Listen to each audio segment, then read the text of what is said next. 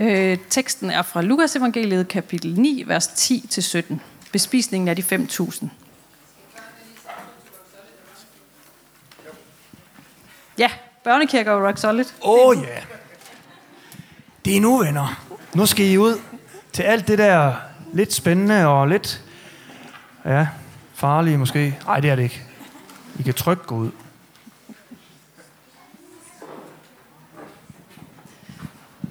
Godt, så vender vi tilbage til bespisningen af de 5.000. Ja. Da apostlene vendte tilbage, fortalte Jesus om alt det, de havde gjort. Han tog dem så med og trak sig tilbage til en by ved navn Bethsaida for at være alene. Men skarne opdagede det og fulgte efter ham, og han tog imod dem og talte til dem om Guds rige, og han helbredte dem, der trængte til hjælp. Da dagen var ved at gå på held, kom de tolv hen til ham og sagde, Send skaren bort, så de kan gå hen til landsbyerne og gårdene her omkring, og finde et, finde et sted at tage ind og få noget at spise. Her er vi jo på et øde sted. Men han svarede dem, giv I dem noget at spise.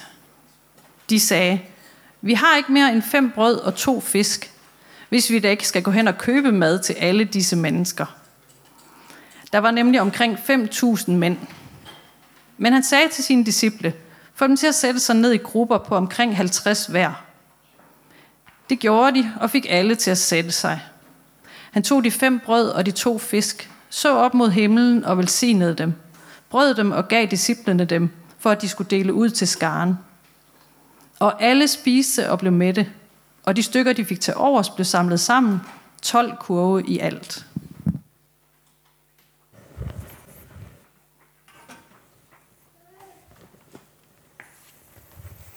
God formiddag.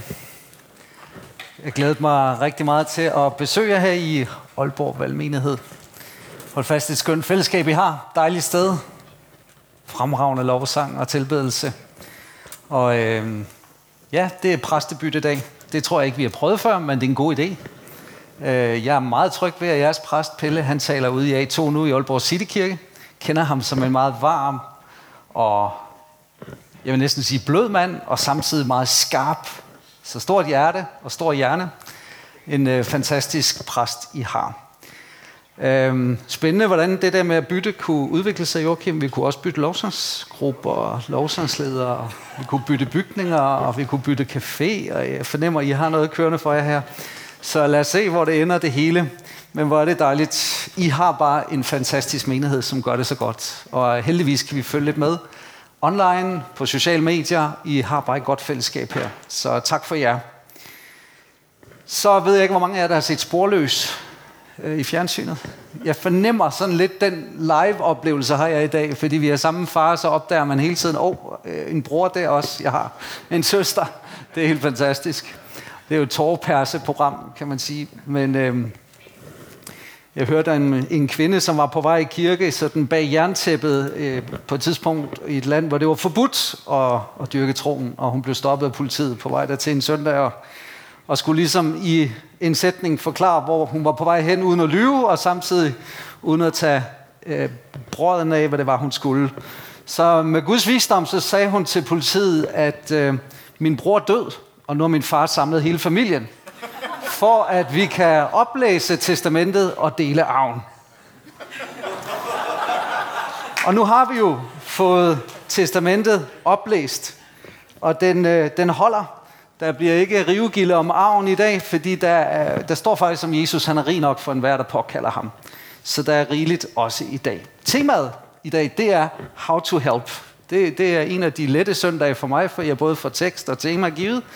I er i gang med en serie, som jeg synes virker rigtig spændende, hvor I går tæt på, hvordan Jesus mødte mennesker. Og når jeg har, har læst den her tekst og tænkt lidt ind i, hvad jeg har at sige ind i den, så det, som ligesom er blevet levende for mig i teksten, det jeg lærer af Jesus her, øh, det er fire ting, som jeg kan være med til at gøre, og så to ting til sidst, som jeg ikke kan gøre, men som han alene, Jesus, må gøre.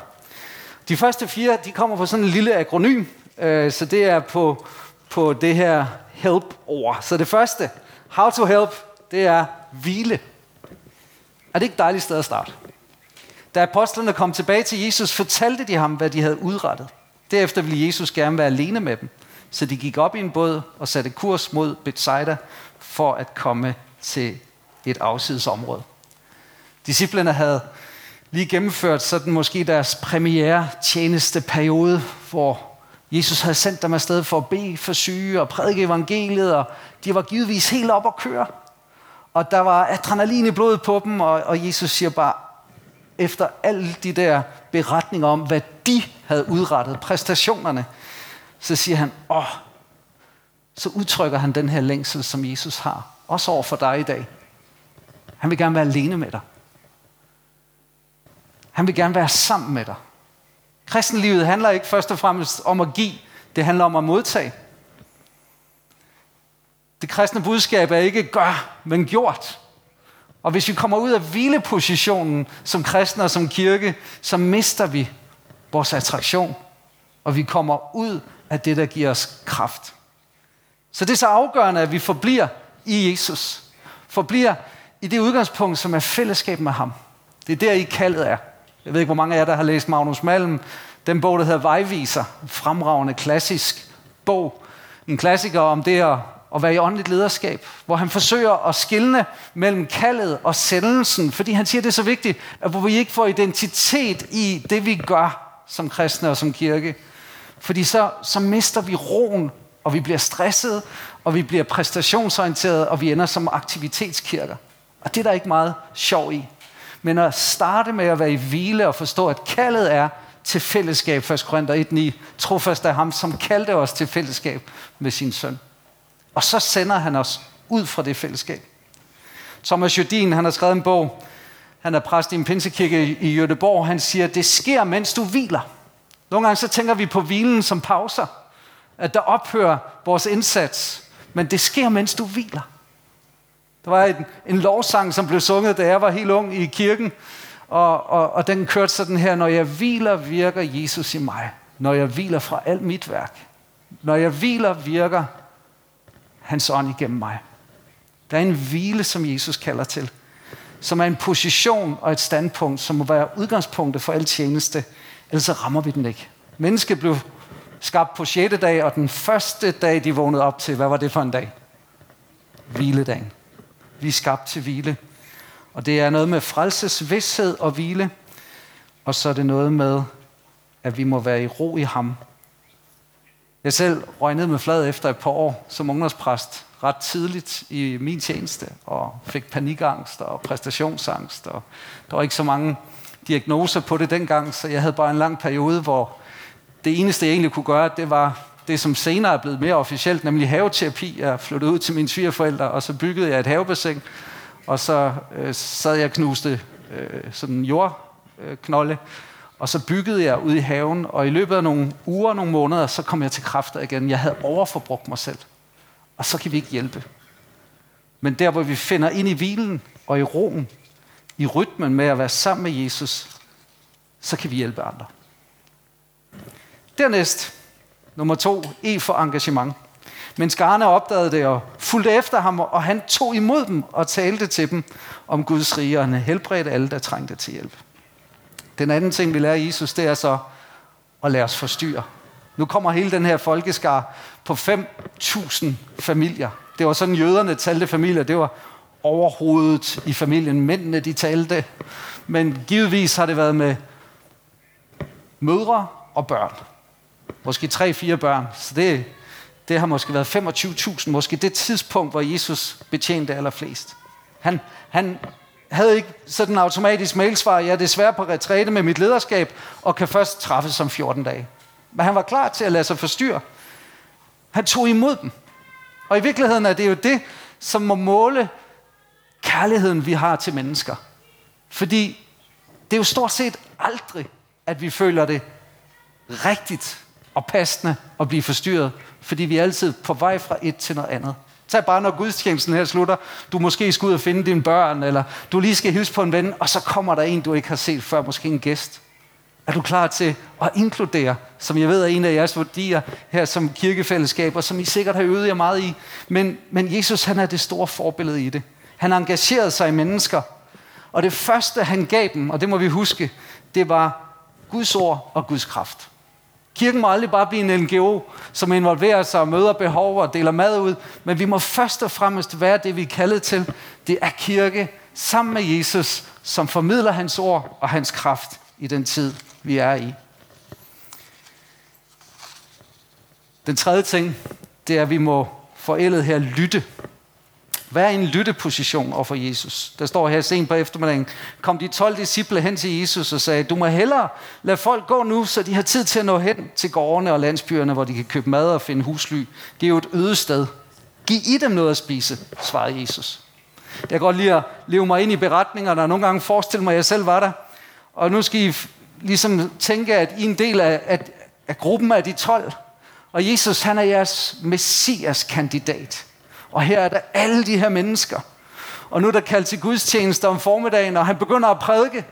Og, og han starter måske kl. 11, og, og klokken bliver 12, og han prædiker stadigvæk. Og klokken bliver 1, og han prædiker fortsat. Og klokken bliver 2, og den bliver 3. Og de, uroen begynder at sprede sig, fordi de var jo også lidt spindoktorer for ham, og, og tænkte på skarne. Og, og de begyndte måske lige at konferere med hinanden, de 12, og sagde, ah, nu begynder jeg altså at blive sulten. Gør det også det? Ja, Hvordan får vi ham til at stoppe? Kan, hvad kan vi gøre?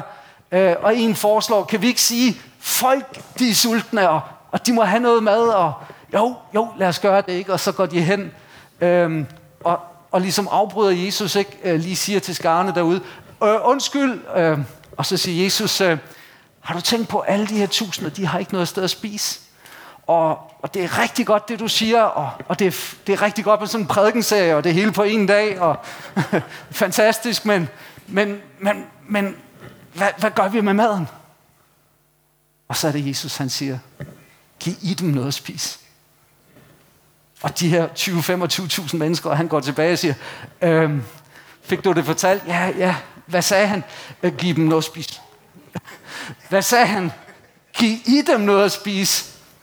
Jamen altså, vi har jo ikke noget mad, og der er ingen restauranter herude, det er et øde sted, og, og, og så er der en, der siger, sig til ham, det eneste vi har fundet, det er en lille drengs madpakke, fordi så ved han godt, så er der ikke nok. Øh, okay, og så går han tilbage. Undskyld, øh, Jesus, øh, det eneste vi kan drive op, det, det er en lille drengs madpakke, og derfor send dem hjem nu, fordi det er sent, og det, det er jo ikke mad nok. Og få dem til at sætte sig ned det er nemlig det næste. Det er at praktisere. Få dem til at sætte sig ned i rækker med 50 i hver. Og det er der, de bliver nødt til at reagere på det, de hører og praktisere det. Og det er her, jeg bare vil opfordre jer alle til at sige, det med at hjælpe mennesker, det er også bare at have et lyttende øre. Det er at høre og at gøre. Og der opleve, at Gud ved, hvad du kan. Han ved, hvad du har overskud til. Han ved, hvad andre har brug for, og derfor må du bare agere på hans stemme og opleve, at lige der kommer Gud aldrig for sent. De sagde, jamen, vi har kun fem brød og to fisk, protesterede de. I vores kirke, der siger vi rigtig tit, amen. Men det er ikke så tit, de anbefaler et jamen. Men disciplerne sagde jamen og protesterede. Men de endte med at gøre det, som Jesus sagde. De praktiserede. Og det var uden øh, yderligere forklaringer. Og det er lige her, jeg tror, vi finder nøglen. En sjov ting. Øh, I har et fantastisk teknikteam, og, og I har fantastiske musikere, og det samme har vi. Og øh, for et par år siden, så kom vores tekniske leder for, øh, for et af vores områder med video, og sagde, øh, Dan, vi har investeret rigtig mange penge i i noget nyt mixer og, og noget øh, ny streamingudstyr. Og vi kunne så godt tænke os at prøve det, og, og jeg tror, det var et halvt år før vi kom i gang, og han sagde det første gang, og så sagde han det to gange. Jeg spurgte lovsangsgruppen og talerne, og der var ikke rigtig nogen, der havde lyst til at streame. Men han pressede os og pressede og sagde, jeg, jeg, jeg synes virkelig, vi skal gå i gang. Og så gik vi så i gang. Og så øvede vi os to søndage, og så lukkede Mette Frederiksen landet ned. Så den tredje søndag, hvor vi havde øvet os to søndage med helt nyt streamingudstyr. Der var vi klar til at streame og gjorde det hver søndag. Og jeg tænkte bare, at den tekniker, han har haft en byrde, han har lyttet, og han har mødt et behov. Og det er bare et eksempel på, hvordan Gud nogle gange kommer og taler ind i vores liv og siger, at der er noget, vi skal gøre. Men hvis vi lige tager den med alle fire her på en gang. så tror jeg, det kommer ud af hvilen, at vi tør lade os forstyrre og engagere os i mennesker, at vi lytter og praktiserer. Det er det, jeg får ud af historien her. Og så det det, vi kan gøre, men der er noget, vi ikke kan gøre.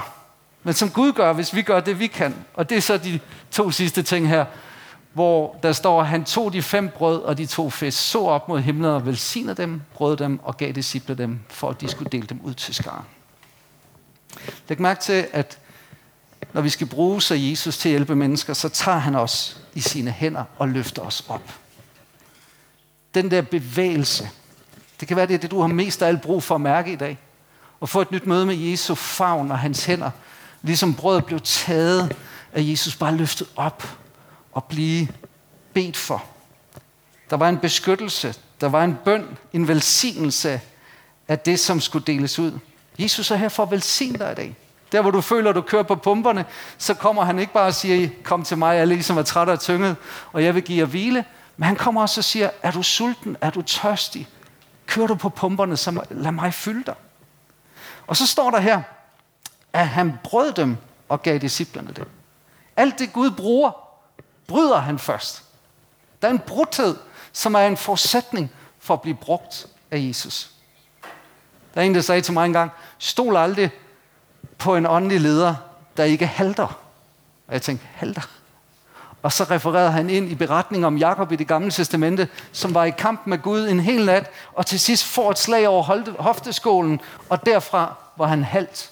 Indtil da havde han forsøgt at snyde sig og manipulere sig til velsignelsen, men efter det møde med Gud, så vidste han, at han kunne ikke selv, og han fik et nyt navn, og derfra hed han Israel, og det handlede om, hvad Gud skulle gøre i ham og igennem ham. Så der er en forberedelse, som må til.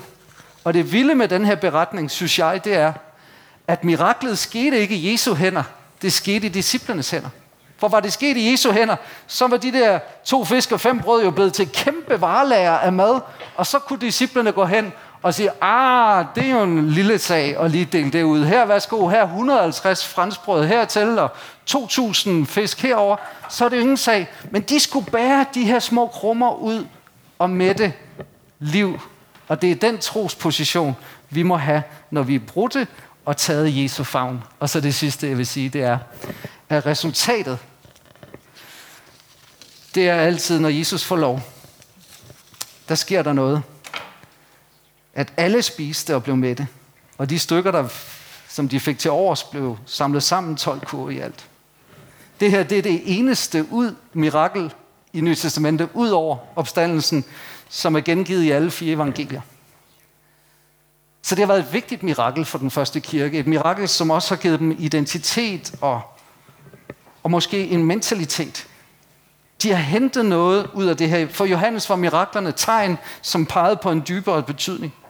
Liberale teologer vil gerne tage, tage den overnaturlige dimension ud af den her historie. Jeg, jeg har læst op til i dag nogle kommentarer, hvor, hvor nogle af forklaringerne fra deres side vil være, at Jesus at han i virkeligheden bare bad dem om at dele nadver ud, så alle kunne lige få en krumme hver. Så det var mere sådan en symbolsk måltid. Andre igen, at Jesus i virkeligheden bare lavede en moralsk mobilisering, og da de skarne så, at den lille dreng var villig til at give sin madpakke, så tænkte jeg, ah, men så kan jeg også give min banan, eller så har jeg ført også lige nogle klemmer her. Men nej, som en har sagt, det er umuligt at reducere det her mirakel til ordinære menneskelige dimensioner. Gud gjorde et mirakel, og han kan gøre det i dig og igennem dig også. Når Gud virker, så er der altid mere end nok. Alles bliver med det. Alle får lov at spise, og der bliver endda noget til års. Tænk så, at, at Gud har omsorg for hele dig. Din ånd, din sjæl, din krop, din økonomi. Jeg ved ikke, om du er kommet i dag presset økonomisk af de høje elregninger, eller inflationen, men du skal vide, at når Jesus hjælper, så hjælper han, så der er nok.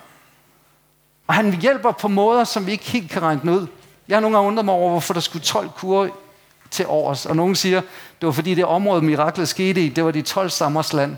Men også fordi der var 12 disciple, som alle fik et bevis på Guds trofasthed, Guds omsorg. Jeg synes, vi har oplevet, når vi rækker ud i diakoni, at Gud altid møder behovene. Og det skal du også opleve, når du tjener.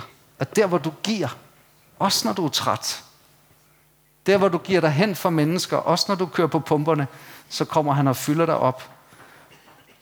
Og derfor kan Jesus også sige, særlig er det at give ind og modtage, fordi vi, vi, vi velsignes tilbage, når vi giver ud. Så min udfordring til dig i dag, det er, tør du være en af dem, som lytter ud af en vilde position, som praktiserer, og som engagerer dig i menneskers liv. Også i den uge, der kommer. Vær åben over for, at Jesus ved sin ånd vil lede dig til nogen. Måske nogen, hvor det handler om at bare udtrykke en opmundring. Måske et profetisk ord. Noget af det, der satte vores sociale arbejde i gang i vores kirke, det var et besøg af en diakon nede fra Silkeborg Oasekirke. Valgmenigheden dernede, det er cirka 13 år siden, hun besøgte vores kirkekamp, og på det tidspunkt havde vi ikke noget socialt arbejde. Men hun fortalte blandt andet i sin forkyndelse, at de som kirke havde oplevet, at det var det profetiske, der ledte dem til diakoni. At det var profetiske ord, der havde åbnet op i menigheden for deres øjne til at se behov i kirken. Og så brugte hun blandt andet Isaias 58 og sagde, prøv at se, hvor meget der er i det gamle testament i de store profeter, om at involvere sig og give brød til de sultne, stå op for, de, for uretfærdighed og hjælpe de svage. Så vi må lytte ind, hvad ånden siger til kirken, og hvad ånden siger til os hver især. Skal vi bede sammen? Tak, Jesus, fordi vi først og fremmest kan komme til dig som dine børn og ikke som dine tjenere. At du kalder os til at være worshippers, før vi bliver workers. At vi ikke skal tage os sammen, men kan falde sammen i dit nærvær. Og så hælder du på, så vi kan tage imod, før vi skal ud og give. Tak for den her gudstjeneste også må have den vekselvirkning, at vi modtager fra dig. Fyldes op, og så sendes ud. Vi beder om ører, der kan høre, når der er mennesker, du vil lede os til.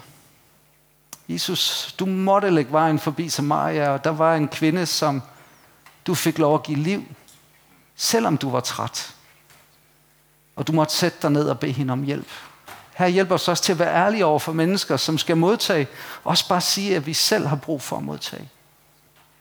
Vi beder om, at du udruster det her fællesskab til at være et udrustende fællesskab.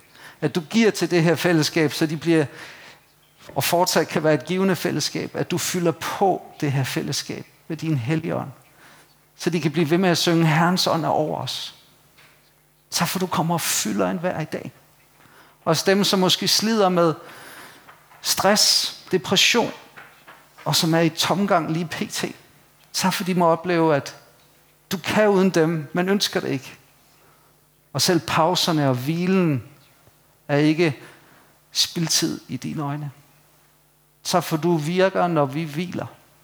Og tak for du også kommer og genopretter og genopbygger os, når vi er i dalen og sidder fast eller ligger på hylden. Tak for din godhed mod os som individer, også mod det her fællesskab. Tak for du har det bedste i vente fremover, og jeg velsigner Aalborg Valgmenighed til at blive ved med at være en velsignelse. Til ikke bare at være container for din velsignelse, men kanal. Så den her menighed får lov til at være redskab i byen på en særlig måde. Både i det her lokale område, men i hele regionen, det beder jeg om. Så velsign Pelle og menighedsrådet og hele staten og alle medlemmer. Velsigner det her fællesskab med dit nærvær, med din kærlighed, med din kraft. Amen. Tak skal I have.